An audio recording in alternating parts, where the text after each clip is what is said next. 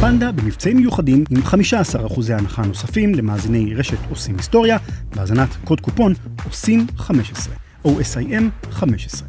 פנדה zzz.co.il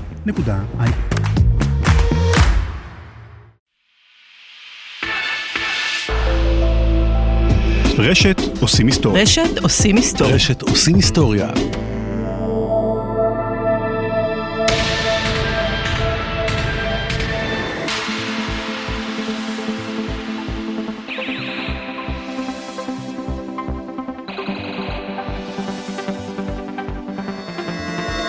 עושים תוכנה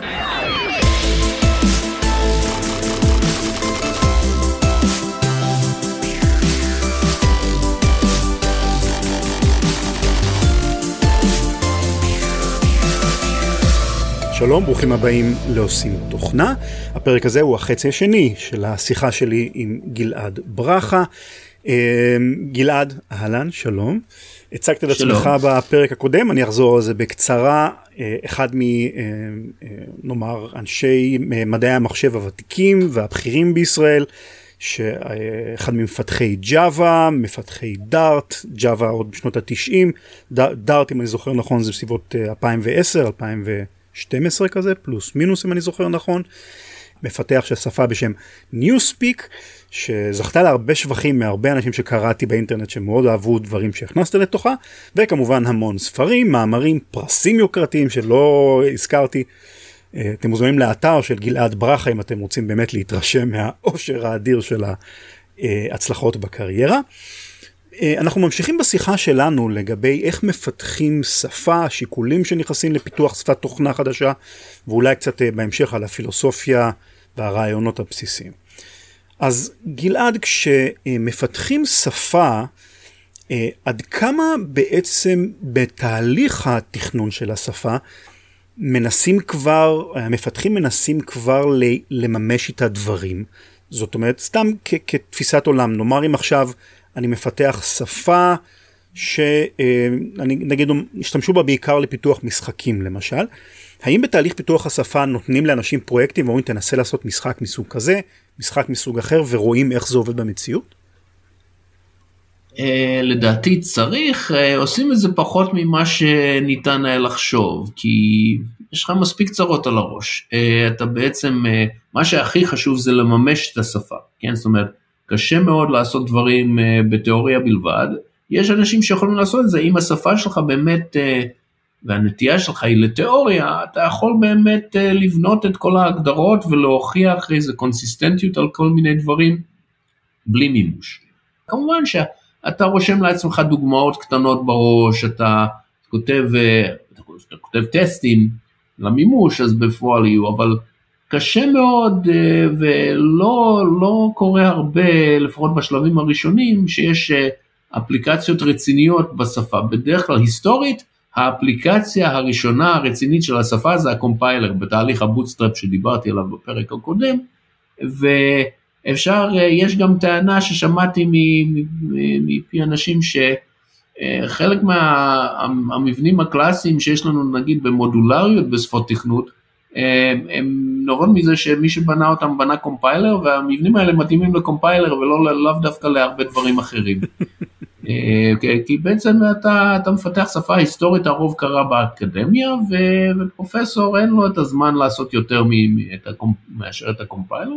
הקומפיילר הוא יודע איך בונים, איך הוא בונה backend server אין לו מושג, כן? אה, ולכן אה, זה לא קורה. עכשיו בשפות המסחריות היותר גדולות תהליך הפיתוח שלהם הוא דבר שהוא נמשך על פני הרבה שנים, שיש שפה ובהמשך, אוקיי, יש ורזיה, יש מוצר חדש, יש, יש רליס חדש, ובמהלך הזמן הזה כמובן שבנו הרבה דברים. יש מקרים ש, שבנו את השפה למטרה מאוד ספציפית ובאמת אה, בנו אותה בד בבד אה, קצת עם, ה, עם האפליקציות, אבל אה, נגיד בג'אווה בנו, מעניין בג'אווה שבנו, חלק מהאפליקציות שבנו שחשבו ש, שהשפה תתאים הם, הם כישלונות והיא הצליחה בתחומים אחרים קצת. אה, לדוגמה, אחד הדברים הראשונים ש, ש, שעשו, שהיו בג'אווה, אה, היה hot Java Browser שאני מניח שאף אחד לא זוכר. וזה היה ווב בראוזר, כן? התיאוריה הייתה, היה, היה white paper נחמד מאוד שהסביר למה זה נורא מתאים ואיך זה יעבוד נהדר וכן הלאה, וזה עבד רע מאוד. חלק מזה זה היה שפה, חלק מזה היה שהטכנולוגיה בעצם עוד לא הגיעה כי, כי uh, החיבוריות הייתה ב-28 קייבוד, כן, כן uh, לא, לא, היה חיבור, לא הייתה חיבוריות מהירה מספיק, חלק הזה שהספריות לא שהשפה כל כך כמו שהספריות היו לא מתאימות. אה, ספריית ה-UI הייתה, לא, לא הייתה מוצלחת, אה, במיוחד בדברים הראשונים, אבל היו דברים בשפה, כן? כל המודל של השפה סביב threading הוא היה עם מלכודת פתאים עד עצם היום הזה, ולכן זה יצר בעיות. אז בפועל אה, הרי Java פותחה במקור לרעיון של אפלטס שירוצו תוכניות בבראוזר, כן, שזה היה חידוש מרעיש ו-Netscape מיד שהייתה אז ה-vendor העיקרי של, של browser, אימצה את זה מיד וכל העניין הזה בעצם היה כישלון חרוץ. ומצד שני פתאום אנשים התחילו לפתח backend servers וזה עבד. ו... ואף אחד לא ציפה לזה, כאילו. כן, כן, לא ציפו לזה, זה בדיוק ההפך ממה שציפו, והשפה הלכה לכיוון לגמרי שונה. אז uh, לך תדע, בקיצור. Uh, יש מקרים שהמקרה החביב עליי זה כמובן, התרבות, התכנות החביבה עליי זה תרבות של סמולטוק, ששם uh, בעצם, שוב פעם, במשך שמונה שנים בנו בזירוקס פארק, בנו למעשה את כל, כל מה שאנחנו עושים היום, חלקו הגדול בנוי על מה שהם עשו אז בשנות ה-70, בנו שם uh, כמה דורות של סמולטוק, שכל כמה שנים היו זורקים את הכל ומתחילים מחדש. ובנו עם זה לא רק, בנו עם זה את, כל המערכת, בנו עם זה את הגוי, בנו עם זה מערכת IDE, ואולי בגלל זה השפה באמת נורא מתאימה לדברים האלה, אבל uh, גם כי פשוט עשו שם עבודה שהיא באיכות שנדירה, גם היה להם את הזמן לעשות את זה נכון, שהיום אין. גלעד מדבר על סמולטוק בכזו חיבה שהייתי חייב להבין על מה מדובר. אז סמולטוק, מהי סמולטוק? היא פותחה בשנות ה-70 במעבדת החדשנות של Xerox PARC בארצות הברית, והמפתח הראשי שלה הוא מדען מחשבים בשם אלן קיי. ההשראה לפיתוחה של סמולטוק הגיעה לקיי משפת תכנות בשם סימיולה. זה היה ב-1966, אלן קיי היה סטודנט לתואר שני באוניברסיטת יוטה, והמחלקה באוניברסיטה קיבלה שפה חדשה שאף אחד במחלקה לא ידע איך לתפעל אותה או איך לכתוב בה, זה מכיוון שהדוקומנטציה הייתה מאוד בעייתית. כך סיפר על זה אלן קיי בעצמו. ציטוט: הדוקומנטציה הייתה בלתי ניתנת להבנה. על פניו זו הייתה אמורה להיות גרסה של אלגול, שפת תכנות קדומה יותר, שעברה שינוי כדי להפוך אותה לשפה בשם סימיולה, אבל הדוקומנטציה הרגישה לי כאילו מישהו תרגם אותה מנורבגית לאנגלית, שזה גם באמת מה שקרה. המתרגם השתמש במילים כמו activity ו-process באופן שלא התאים לשימוש הרגיל במילים האלה באנגלית. סוף ציטוט. אז ל-LNK לא הייתה ברירה אלא להבין מה צריך לעשות עם סימיולה מתוך הקוד עצמו. אז הוא הדפיס את התוכנה על נייר, זה היה בעצם כמה ניירות באורך של 20 מטרים, כך הוא מתאר זאת, והוא וחבר פרסו על רצפת המסדרון של המחלקה את הניירות האלה ועברו על השורות אחת-אחת. זו הייתה מן הסתם עבודה מאוד מפרכת, אבל בתהליך הזה אלן גילה בתוכנה בסימיולה רעיון מאוד מאוד מעניין.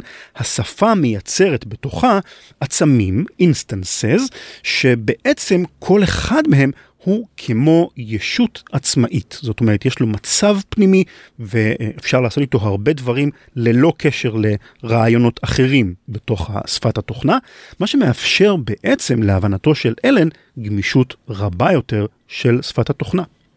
במקביל, אלן גילה את חוק מור, החוק המפורסם שאמר שכוח העיבוד של מעבדים עומד לעלות בכל שנה או שנתיים בצורה אקספוננציאלית. והמשמעות הייתה ברורה, זאת אומרת, אם בשנות ה-70 היו יחסית מעט מחשבים, אז בשנות ה-80 וה-90 עתידים להיות מיליוני מחשבים בכל רחבי העולם, זאת אומרת, מחשב בכל בית. וזה אומר המון המון משתמשים והמון המון מתכנתים חדשים. אלן הבין שהממשקי מחשב או ה-user interfaces שהיו קיימים בשנות ה-70 ושפות התכנות הקיימות לא מתאימות לציבור הרחב, הן פשוט מסובכות מדי, לא מספיק נעים לעבוד איתן. אז הוא חיפש פתרון כדי בעצם לאפשר לילדים, ממש לילדים, לפתח תוכנות בצורה יותר פשוטה, וב-1971 הוא הציג פרדיגמה חדשה שהוא כינה אותה תכנות מונחה עצמים, Object Oriented Development. מה זה בדיוק הרעיון הזה? אני חושב שאתם כולכם מכירים את זה, כי זה רעיון כבר מאוד מאוד נפוץ, אבל בואו נראה איך אלן עצמו תיאר זאת. ציטוט, במקום לחלק את המחשב לדברים שהם חלשים יותר מהשלם, כמו מבני נתונים, פונקציות וכדומה, כמקובל בשפות תכנות קיימות, כל אובייקט בסמולטוק הוא ריקורסיה של כל מה שאפשר לעשות במחשב. על כן, זה קצת כמו שיש לך אלפי מחשבים קטנים שמחוברים יחד באמצעות רשת תקשורת מהירה מאוד. סוף ציטוט. במילים אחרות, כל אובייקט בסמולטוק הוא מעין מחשב קטן. יש לו state, מצב פנימי משלו, והוא מתקשר עם הסביבה שלו באמצעות הודעות שהוא מעביר מאובייקט לאובייקט. כמובן שלרעיון הזה הייתה השפעה אדירה על כל עולם התכנות וכמעט כל השפות אחר כך בעצם לקחו את הרעיון של Object Oriented Design ו-Programming, כל שפה בכיוון שלה. בנוסף, לסמולטוק הייתה השפעה על עולם התכנות בתחומים רבים ומגוונים מאוד, כמו למשל אה, מכונה וירטואלית לשפות תכנות, מה שאנחנו מכירים היום שקורה בג'אווה למשל, IDE, סביבת פיתוח אינטגרטיבית ראשונה מסוגה, שמכילה גם טקסט אדיטור, מעבד תמלילים, גם דיבאגר מובנה וכדומה. וכמובן, בזירוקס פארק פיתחו עם סמולטוק את אותו ממשק משתמש עתידני ש-LNK חלם עליו, שכולל בעצם את מה שאנחנו מכירים היום. חלונות שאפשר לגרור, עכבר שאפשר להתממשק איתו ולעבוד איתו וכדומה. סטיב ג'ובס ביקר במעבדה, ראה את הממשק הזה, התאהב בו, העתיק אותו למחשבי המק, והשאר היסטוריה. כמובן שזה עבר משם לווינדוס וכדומה. זהו, שיא הפופולריות של סמולטוק כשפה בשימוש נרחב הייתה בשנות ה-90, שאז היא הייתה במקום השני במדד הפופולריות של שפות תוכנה, כש-15% מהמפתחים השתמשו בה, ובמקום הראשון, אם אתם תוהים, הייתה C++. אז זהו, מקווה שהעשרתי את הידע שלכם קצת לגבי סמולטוק. בואו נחזור לרעיון עם גלעד.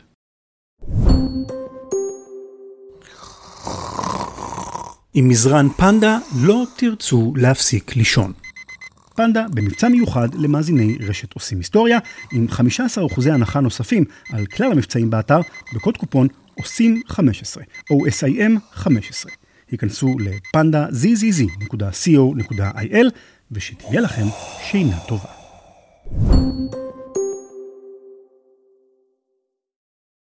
זה באמת מביא אותי לנקודה שעכשיו אני חושב עליה, שכשמתכננים שפה בפעם הראשונה, את הגרסה הראשונה שלה, ואז היא יוצאת לשוק ופתאום מגלים כמו שתיארת בג'אווה את השימושים האמיתיים שלה, ואז אתה חושב אה, לשנות דברים בשפה אולי כדי להתאים אותם יותר למימושים המעניינים האלה, אבל למשל אם אני לוקח דוגמה את פייתון. שהמעבר בין פייתון 2 לפייתון 3 היה מעבר קשה שנמתח על פני 15-20 שנה כמעט של עבודה עד שהקהילה הסכימה לאמץ את הגרסה הזו. אה, האם ניתן לתכנן שפה כך שהיא תהיה גמישה גם לשינויים עתידיים? אפשר, אה, שוב פעם, אם נחזור למה שדיברנו בפרק הקודם, אם אתה בונה שפה על, על מספר אה, מושגים יסודיים קטן, עם, עם, עם קומפוזיציה, אה, יש יותר סיכוי שהיא תהיה גמישה. תראה, ליספ משנת 58 עד היום השתנו דברים, אין ספק שהשתנו לא מעט דברים, אבל במהותה השפה, אפשר לזהות אותה משנת 1958 עד היום, בגלל שיש לה את הגמישות הזו. זה נכון לגבי סמולטוק, אה, שכמעט לא השתנתה, ומה שצריך לשנות נגיד עשיתי בניוספיק לדעתי, אבל מעט מאוד השתנה מאז שנות ה-70.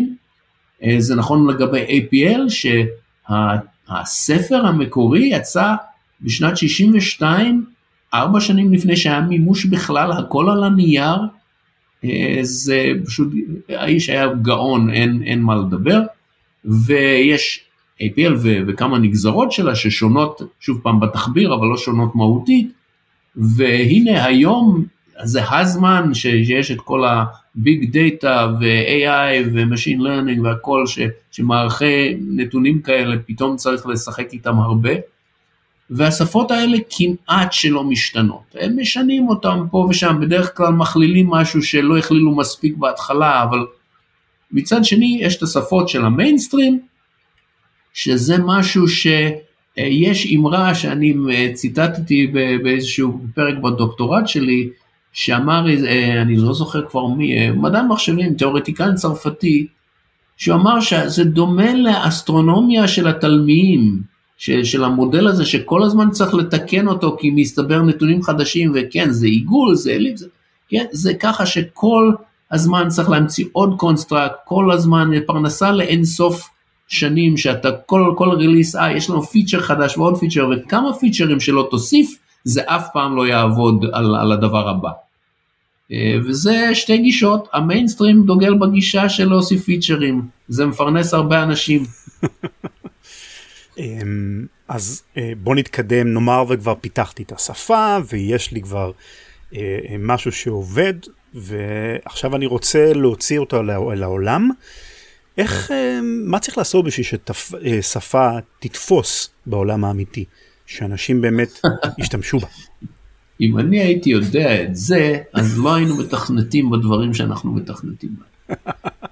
זה, זה משהו שקשה מאוד ואני לא חושב שיש מישהו שבאמת יודע. אנשים עושים ניסיונות, יש, יש, שוב פעם, כמו בכל דבר בחיים, כמו בקריירה, אנשים, הרבה אנשים מחליטים שהם יעשו את זה בצורה ש, שתתפוס, כי הם רוצים את ההצלחה הזו, יש, יש הרבה אנשים שפשוט מודדים את ההצלחה שלהם וכמה אנשים ישתמשו בשפה, זה מדד חשוב, זה לא המדד היחיד, אבל להרבה אנשים זה המדד היחיד. ואם ככה, אתה מנסה, אבל זה לא, לא, לא עובד ככה. אתה יכול להגיד, אוקיי, יש לי בקינג של חברה גדולה שיש לה את המשאבים לדחוף את זה. זה עוזר, זה לא תמיד עוזר. דרת ההצלחה שלה די מוגבלת uh, בעצם, להתחשב uh, בזה שגוגל עשתה, או גו אפילו, כן? כי בין השאר כי גוגל בעצם לא דוחפת את השפות שהיא עושה, כן? סוויפט לעומת זאת, אפל במצב שהחברה דחפה, והרבה יותר חשוב מזה שהחברה דחפה, זה מונופולין מלכתחילה, כן? הם שולטים במערכת, באקו סיסטמה אדירה של האייפון וכל מה שמסביב. ואתה חייב לתכנת במה שהם ייתנו לך, קשה לך מאוד לעקוף את זה. ולכן ההצלחה של סוויפט הייתה מובטחת, כי, כי פשוט... הכריחו זה... אותנו, לא הייתה ברירה. כן, בדיוק, יש, שיש לך, כל, יש לך את הכוח להכריח אנשים, זה, זה, זה סגולה בטוחה. אבל ברוב המצבים, אתה יכול להגיד, אה, אני אנסה שה, שה, שהתחביר יהיה דומה לתחביר שאנשים מכירים. שלפעמים זה חשוב ולפעמים זה לא חשוב. מסתבר ש, שרובי הסתדרה לא רע עם תחביר אה, תמוה, בוא נאמר. אה, ו, ויש אה, עוד מקרים כאלה.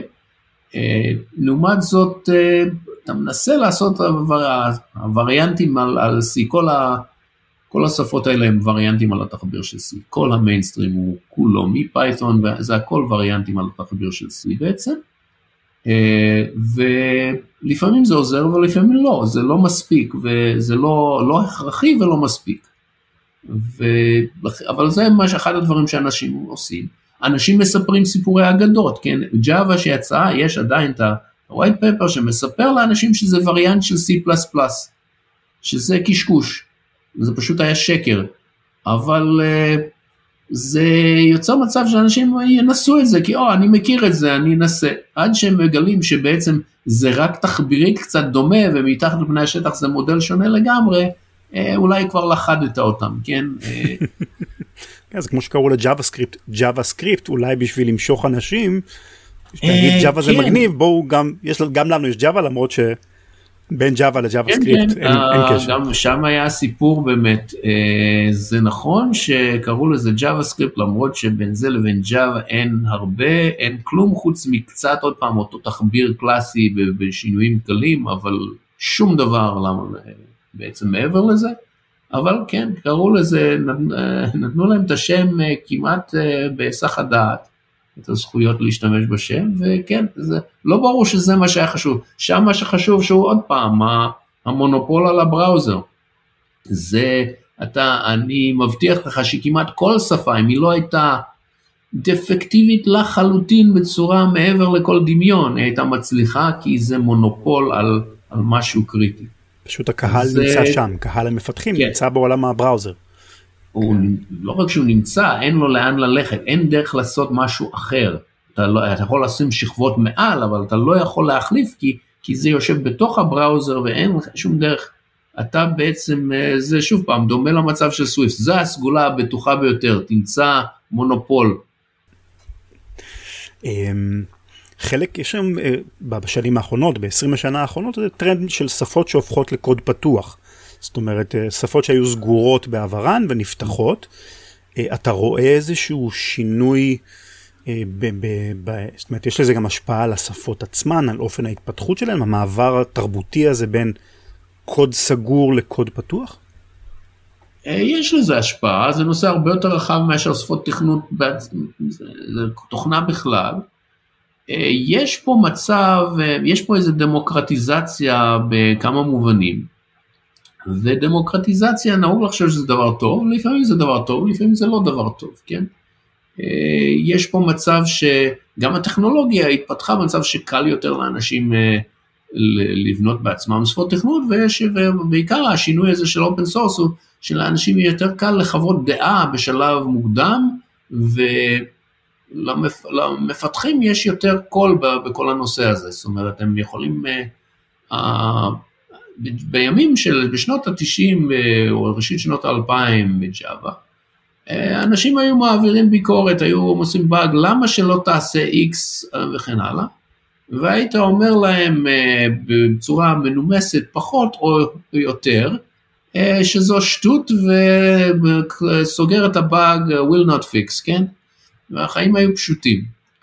עכשיו, בדארט כבר היה מצב של פתיחות כזו שכל אחד הייתה לו דעה, כן? ו- והאמת היא שבינינו רוב הדעות האלה הן לא מתוחכמות במיוחד. זה, יש פה מומחיות שלא לכל אחד יש, ויש גם עניין של טעם וכן הלאה, ו- והיו הרבה דעות.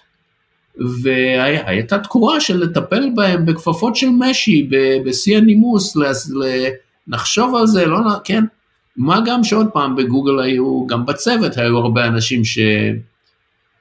שהאמינו בדברים האלה, וזה יצר את כל, ה... את כל הנטייה ל... להתפשר בכל מיני צורות. אה, זה יוצר רעש, אני שוב פעם, בגרסה, בדעה שהשפות הכי אה, טובות הן פרי של מחשבה של, של אדם אחד, או של לפחות קבוצה מאוד קטנה, שהם הם, רואים מעין בעין, כן, שהם באותו, באותו נקודת השקפה על כל הנושא.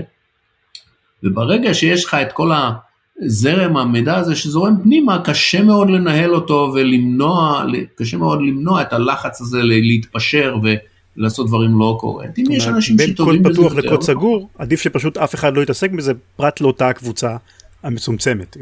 טוב, הקוד עצמו, אתה יכול שיהיו תורמים וכן הלאה, זה, זה בעיה שעוד פעם, שיש, ש, זה, זה כישרון, זה משהו אחר לנהל את זה, את כל האימפריום הזה של כל האנשים וכן הלאה, אבל זה תורם. אבל זה יוצר תרבות כזו שכן, אנשים יציעו, בוא נעשה הצבעה על פיצ'ר, כן, פשוט, כן, אפשר, בסוף יהיו מסעי בחירות על semicolon, כן? זה, זה, עוד פעם, זה עניין טכני. אם רוב האנשים חושבים שהעולם השטוח, הוא לא נהיה שטוח מזה. ו, ויש פה משהו שהוא בתרבות בכלל, אפילו מעבר ל open source שאנחנו רואים בכל העולם, שזה קצת, אני מרחיק לכת של תחומים שאני בעצם לא רוצה להיכנס אליהם, אבל אני לא חושב שזה דבר טוב. אנשים יכולים להחליט, כשבן אדם מחליט, הוא מוציא את, את, את, את התכנון שיש לו, אנשים ירצו, ישתמשו, לא ירצו, לא ישתמשו, אבל הנטייה הזו מכל הצדדים למשוך את זה לכיוונים שונים היא לא מוצלחת.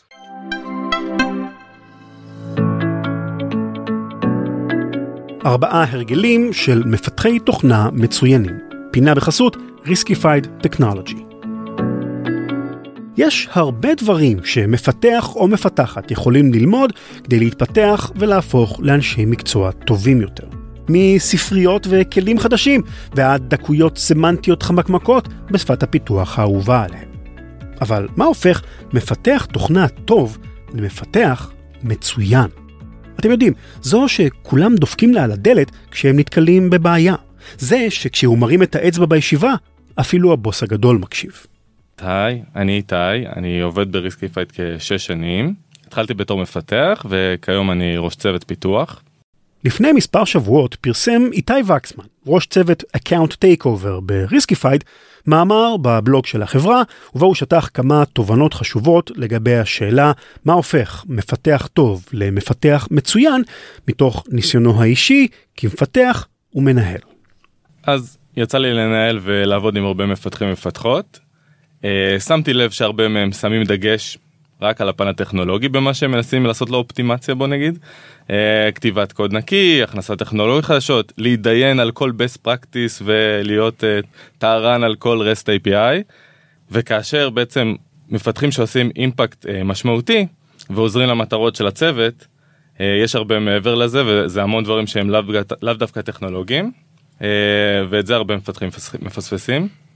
המאמר של איתי זכה להמון תגובות מפרגנות, והזמנתי אותו לאולפן כדי לשתף גם אותנו בתובנות שלו. בואו נתחיל. קודם כל השתתפות פעילה בישיבות, אז כמובן שבכל תהליך פיתוח יש פגישות תכנון, אה, לפני שצוללים לקוד כמובן שצריך להבין מה עושים. בפגישות האלה זה הזמן לקבל את כל הקונטקסט העסקי, את הדרישות. מהניסיון שלי זה ממש חשוב שמפתחים יבינו את עולם הבעיה שהם מנסים לפתור. אז בפגישות האלה הנוכחות צריכה להיות אקטיבית. מה זה אומר אקטיבית? אז קודם כל מפתח ומפתחת שרוצים להצטיין צריכים לוודא שהם מבינים עד הסוף דברים ולשאול את כל השאלות כדי שיהיה הבהרה הם לא מסיימים פגישה בלי שהם מבינים הכל. הם לא צריכים לצפות שמישהו אחרי פגישה יבוא ויספר להם את זה מחדש. זה גם הזמן לתת הצעות להביא את הפרספקטיבה של הצוות מול הדרישות בכלל. אתה לא שם רק כדי לקבל אתה שם כדי לדון. אני יכול להביא דוגמה ממש שקרתה לנו שקיבלנו לפתח פיצ'ר והיה מפתח שממש התעקש להבין כמה יוזרים משתמשים בו זה לא דבר שתמיד שואלים. ואחרי שהבנו באמת כמה שימוש הולך להיות בדבר הזה הבנו שהפיתוח די גדול לעומת ה value שזה הולך להביא ופשוט החלטנו לתעדף פיצ'ר אחר ביחד עם ה product manager כהחלטה משותפת. אה, ואני רוצה להגיד גם את מה שאתה תקבל מזה עם הזמן עם הרגל כזה הצוות הולך להישען עליך הוא יחכה לדעה שלך אם אתה לא תהיה שם הרבה פעמים יעשו ריסקייג'ול לפגישות כי יפחדו. אם כן, עצתו הראשונה של איתי היא ישיבות הן לא בהכרח נטל או בזבוז של זמן. עבור מפתחים מצוינים, ישיבות הן הזדמנות להפגין התעניינות, אחריות ובקיאות בחומר. טיפ שני, תהיו עצמאיים. קודם כל, מה זה מפתח עצמאי? זה מישהו שמבין את כל הדרישות של המשימה ויכול לקחת אותה end-to-end עד production. כמובן שכל אחד נתקע לפעמים, אז מפתח מצוין יודע לעשות את ה balance בין עבודה עצמאית להיעזרות בחברי צוות. כלומר, מפתח כזה או מפתחת שהם נתקעים על משימה יום שלם וניסו כבר כל דבר, אז זה הזמן להרים את הדגל, לא לחכות שלושה ימים בשקט עם עצמך בימינו בזום בבית, בלי ששומעים אותך ולהגיד אחרי שלושה ימים, טוב אני עדיין תקוע, אז להרים את הדגל, וכשמרימים את הדגל צריך לעשות את זה בצורה אפקטיבית ויעילה ומקצועית. נכון, לבקש עזרה זה לפעמים קצת מביך ולא נעים, אבל האמת, אני לא מכיר אף מפתח שלא נתקע על איזה באג מעצבן מדי פעם. ויותר מזה, היה לי פעם מפקד חכם בצבא שנתן לי עצה טובה. אחת הדרכים הבדוקות ליצור קשר טוב עם מישהו היא לבקש ממנו עזרה. מניסיוני, זה עובד. כשאתה מבקש ממישהו עזרה, אתה למעשה מכיר בכישוריו ומעניק לו סוג של מחמאה, אפשר לומר. נסו את זה בעצמכם מדי פעם. מעבר לזה, אני כן רוצה לציין שחוץ מלהרים את הדגל לבן אדם שעוזר לכם, יש עוד הרבה דברים שצריך לעשות כשנתקעתם, זה להודיע לכל ה stakeholders שיש עיכוב ב delivery. תקשורת עם כל ה stakeholders זה משהו ממש חשוב וזה מונע מציפיות לא להתקיים בוא נגיד. כמובן אם נתקעתם וגיליתם שיש עוד edge cases שמשהו שלא חשבו עליו בתכנון אם אתם לא מתכננים לפתור את זה אז אתם חייבים לפתוח ticket לעתיד שידעו שזה לא מתפספס שלא נופל בין הכיסאות. תובנה שלישית. נקודה שלישית היא תמיד לחשוב על production. אני מניח שעבור כל צוות אה, פיתוח סביבת production יציבה ועובדת זה עדיפות הראשונה אם זה לא עובד אין לכם מה לכתוב אה, קוד למגירה כשיש מלא שרפות ב production. מפתח מצוין בצוות פיתוח נדרש להיות עם ערנות וגם לבצע בצורה אה, אקטיבית בצורה שגרתית מעקב אחרי production. אם זה בתחילת היום להסתכל על ה monitoring dashboards לדגום את הצ'אנלים של ההורים כל מיני דברים כאלה. מהניסיון שלי המון ארורים ודברים שקורים ב monitoring dashboard יכולים לגלות בשלב מוקדם יותר על תקלות הרבה יותר חמורות שיתגלו בהמשך אם לא נטפל בהם כשמגלים אותם בצורה ראשונית. אה, חוץ מזה מצופה ממפתחים בצוות להצטרף לחקירה וטיפול בתקלות production כשהן קורות גם אם הם לא התורן זה גם מראה על המון אכפתיות וגם על עבודת צוות אני חושב שאין מנהל שלא יעריך עובדים כאלה שמצטרפים למאמצים כאלה חשובים. במילים אחרות, תהיו ראש גדול. הטיפ האחרון שאיתי נתן במאמר שלו היה גם המסקרן ביותר. תקשיבו למנהלים שלכם, הוא כתב, ואני לא בדיוק הבנתי למה הוא מתכוון. הרי כולנו מקשיבים למנהלים שלנו, לא? אז כן, כולנו מקשיבים, אבל איתי מציע לכם לא רק להקשיב, אלא גם להיכנס לתוך ראשו של המנהל שלכם ולהבין את הצרכים שלו. בדרך כלל המנהלים הם החוליה שמקשרת בין ההנהלה הבכירה לצוות הפיתוח, והם אמורים לתקשר לצוות במה החברה מתמקדת, focused areas. למשל בחברה שרוצה לצמוח מאוד וגיוס אנשים זה בעדיפות הכי גבוהה. אם הרוצה מספר לכם על זה שאנחנו ממש שמים את זה בעדיפות, תחשבו על זה, אולי אתם יכולים להצטרף למאמץ הזה. תעזרו לכתוב שאלות, תהיו בפרוסס של איך חושבים לשפר את התהליך, שיהיה גיוס יותר מהיר. אה, חוץ מזה גם בדרך כלל מנהל יש לו את הדברים שלו, לאו דווקא של ההנהלה. אה, כל מנהל שם את הדגשים על מה שחשוב לו, למשל יש מנהלים שמאוד חשוב להם איכות הקוד, אז ומאוד יעריכו קוד שמכוסה בבדיקות אוטומטיות, אז תשימו לב שאתם כותבים קוד, תכסו אותו. תכניסו את ההרגל הזה גם לכם וזה יהיה מאוד מוערך על ידיו, תקבלו קרדיט חיובי. אם כן, ארבע תובנות חשובות שיעזרו לכם להפוך ממפתחים טובים למפתחים מצוינים. השתתפות פעילה בישיבות, עצמאות end-to-end לצד בקשת עזרה והרמת דגלים כשמשהו נתקע, לא להתעלם מה production ולהקשיב, אבל באמת להקשיב, למנהלים שלכם. תודה רבה לאיתי וקסמן, אני מקווה שהצלחנו להחכים אתכם מעט בפינה הזו. אנחנו נשתמע בפינה הבאה של Riskified Technology. להתראות.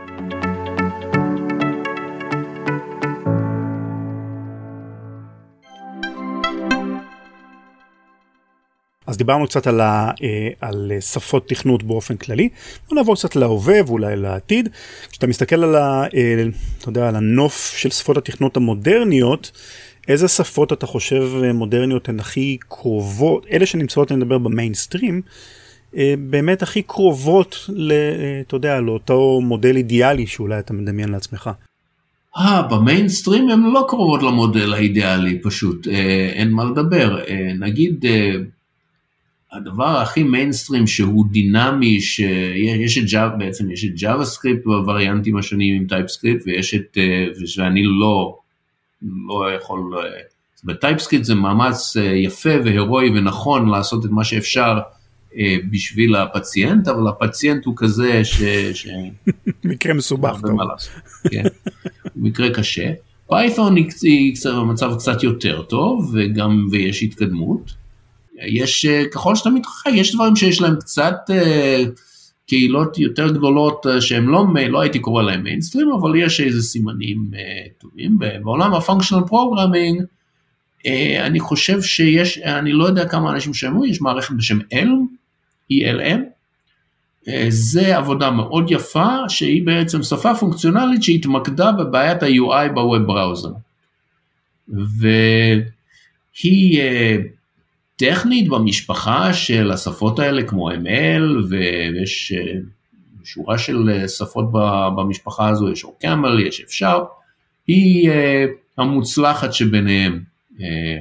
כי, כי באמת עשה, הבחור שעשה את זה בחור צעיר ומאוד מאוד מוכשר, אוון צ'פליצקי, הוא פשוט עשה עבודה טובה והוא גם יודע, מצליח לנהל שם קהילה שגם הוא מקבל הרבה מה open source מהרעש, אבל הוא מנהל את זה נכון.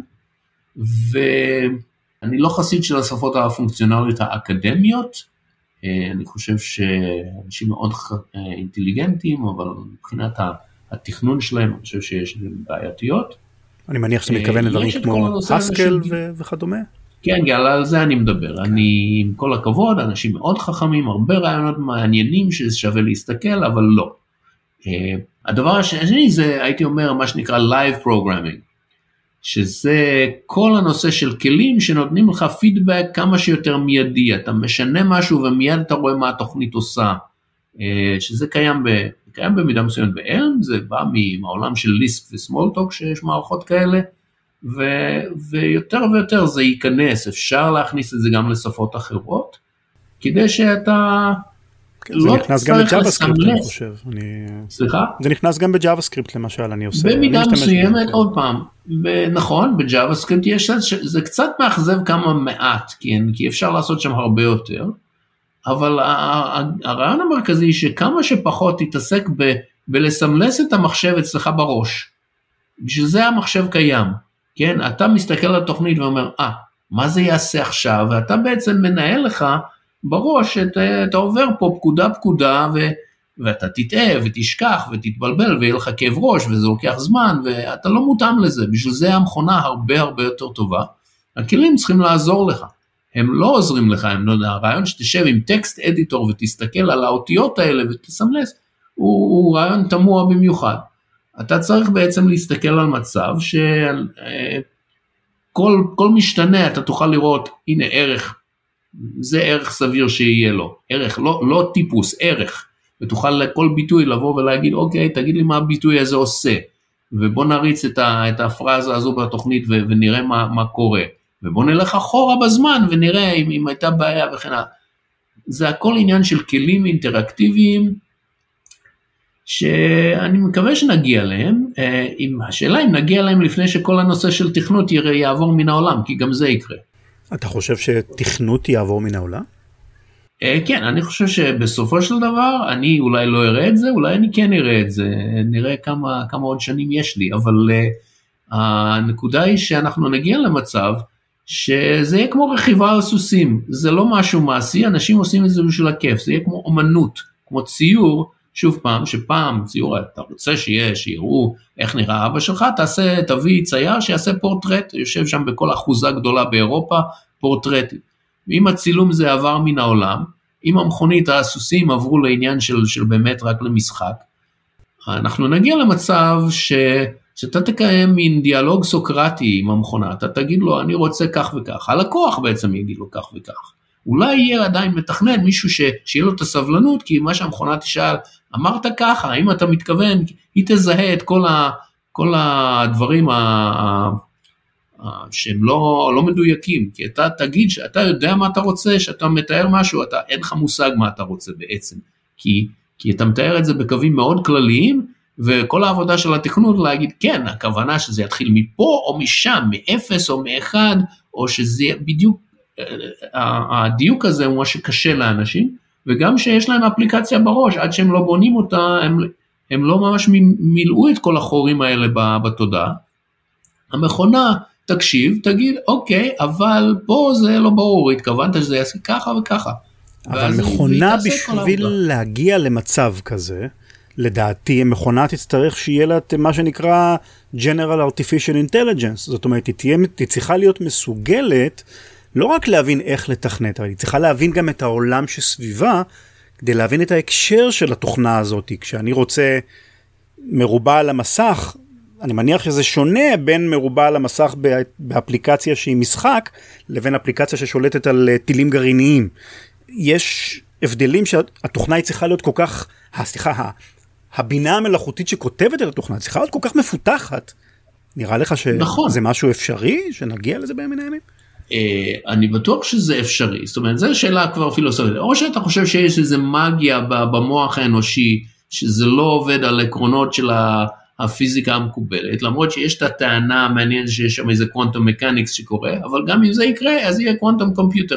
בסוף נפתור את זה. עכשיו, אני לא רץ לזה, כי, מכל, כי אני לא, לא חושב שאני בנוי לעבור, לחיות בעולם שכל כך הרבה שינויים, ש, שאני כבר uh, פג תוקף אהיה בשלב הזה, אבל זה יקרה. אני לא יודע אם זה יקרה בעוד 20 או 30 שנה, או פחות או יותר, אבל אנחנו נגיע לזה. עכשיו, uh, או, ש, או שלא נגיע לשום מקום, כן? יכול להיות שפשוט uh, זה, זה ישים סוף לכל העסק, אבל uh, התכנות כמו שהוא, uh, בסוף זה ייעלם. אני, אני חושב שנגיע לזה, נגיע למשהו שעושה את העבודות האלה, לפחות בהרבה תחומים, הרי כל המערכות האלה, ה-Backend שאנחנו עושים, הם כולם אותו דבר בעצם. יש, לא ברור שבהרבה מהאפליקציות באמת צריך את ה, באמת את האינטליגנציה המלאה שאתה מתאר, יכול להיות ש, שאפשר הרבה דומיינס לפתור בלי זה, ובסוף, בסוף כבר תוך תכנות זה יהיה באמת אומנות בשביל אנשים, שזה, כל היופי הוא איך אני יכול לתאר פתרון לבעיה באיזשהו, ואז אני חושב שהאלגנטיות תהיה הרבה יותר חשובה, זה, זה יתפתח, זה יהפוך למין ספורט כזה. זה מחשבה אבל... מרתקת, זאת אומרת זה לוקח אותנו לכיווני מחשבה מאוד פילוסופיים. אז אולי שאלה ככה היפותטית נוספת לסיום, אה, האם ייתכן דבר כזה כמו שפת תכנות אוניברסלית שנגיע יום אחד לאיזה מצב שבו אתה פשוט לומד שפה אחת ויכול לפתח בה לכל צורך בכל פלטפורמה, זה בכלל אפשרי היפותטית? היפותטית, אה, כן, היפותטית זה, זה מילה טובה, כי היפותטית זה בטח אפשרי. אה, אבל אה, בפועל היום לא כל כך, כי, כי באמת הדרישות הן מספיק שונות, אבל האמת היא ששפות יכולות לה, להקיף מרחב הרבה יותר גדול ממה שבדרך כלל נהוג לחשוב. זו שאלה של כלכלה ואיכות המימושים וכן הלאה, ותרבות. הרבה זה תרבות, זה פשוט אנשים, צריך פשוט להחליף את האנשים, זה הכל. אה, והם מתחלפים, אתה יודע. עם הזמן. אה, עם הזמן, אה, הם יוצאים לפנסיה, הם מתים, כן, בסופו של דבר, כל ההתקדמות במדע היא מושתתת על הרעיון הזה, כן, יש את ה... של חילופי דורות, זה, זה פשוט אין דרך אחרת, כי אנחנו, אנחנו מתקבעים, אני בטח כבר מקובע לא רע אחרי כל השנים, ובסוף באים דברים חדשים, שאו שהם טובים יותר או שהם לא טובים, כן? חשקת ימי הביניים לא הייתה התקדמות לדוגמה אה, בהכרח, אבל אה, הדברים משתנים לטוב ולרע, אבל השינוי גדול חייב לבוא רק כשמחליפים את האנשים. אז יחליפו אותנו. עד כאן לחלקו השני והאחרון של הריאיון עם גלעד ברכה. בואו נסכם את מה שלמדנו מהשיחה עם גלעד. אז קודם כל הכרנו את סמולטוק ואת ההשפעה הדרמטית שלה על עולם התוכנה בכלל. שאלנו, האם ניתן ליצור שפה שהיא גמישה כך שהיא תוכל לעמוד בפני שינויים עתידיים? אז התשובה של גלעד הייתה, כן, אבל רק אם מתכננים את השפה נכון. ושפות מיינסטרימיות הן בדרך כלל לא מתוכננות נכון, לדעתו של גלעד, ולכן הן גם פחות גמישות. אני שאלתי, איך מתכננים שפה כדי שתתפוס אחיזה ותהיה פופולרית בעולם שלנו? גלעד השיב, אין כדור קסמים, פרט ליוצא דופן אחד, וזה מונופול. כמו המונופול של אפל, שאפשר לשפת התכנות Swift לעלות לגדולה, והמונופול של JavaScript על הדפדפן. אם יש לך מונופול, יש סיכוי טוב שהשפה שלך תצליח. מה דעתו של גלעד על שפות שמפותחות בקוד פתוח? הוא טוען שזה לא ממש עוזר לפיתוח, אלא בעיקר יוצר הרבה רעש חיצוני והרבה לחצים לא רלוונטיים על המפתחים. גלעד מאוד אוהב כלי פיתוח אינטראקטיביים, כאלה שמאפשרים לשנות את הקוד ולראות את ההשפעה של השינוי הזה מיד בזמן אמת. לדעתו זה מצוין כי זה מחליף את הכורח לסמלץ בראש את מה שהתוכנה אמורה לעשות, שזה משהו שהמוח האנושי לא טוב בעשייה שלו כמו המחשב, ולבסוף, גלעד מאמין שבעתיד תכנות יעבור מן העולם כשבינה מלאכותית תהיה מספיק מפותחת כדי לעשות את מה שאנחנו עושים היום המפתחים האנושיים בעצמה או באופן כללי או רק בדומיינים ספציפיים שלהם היא מתאימה. אז כמו שאומרים, אנחנו נחיה ונראה. תודה רבה לגלעד ברכה.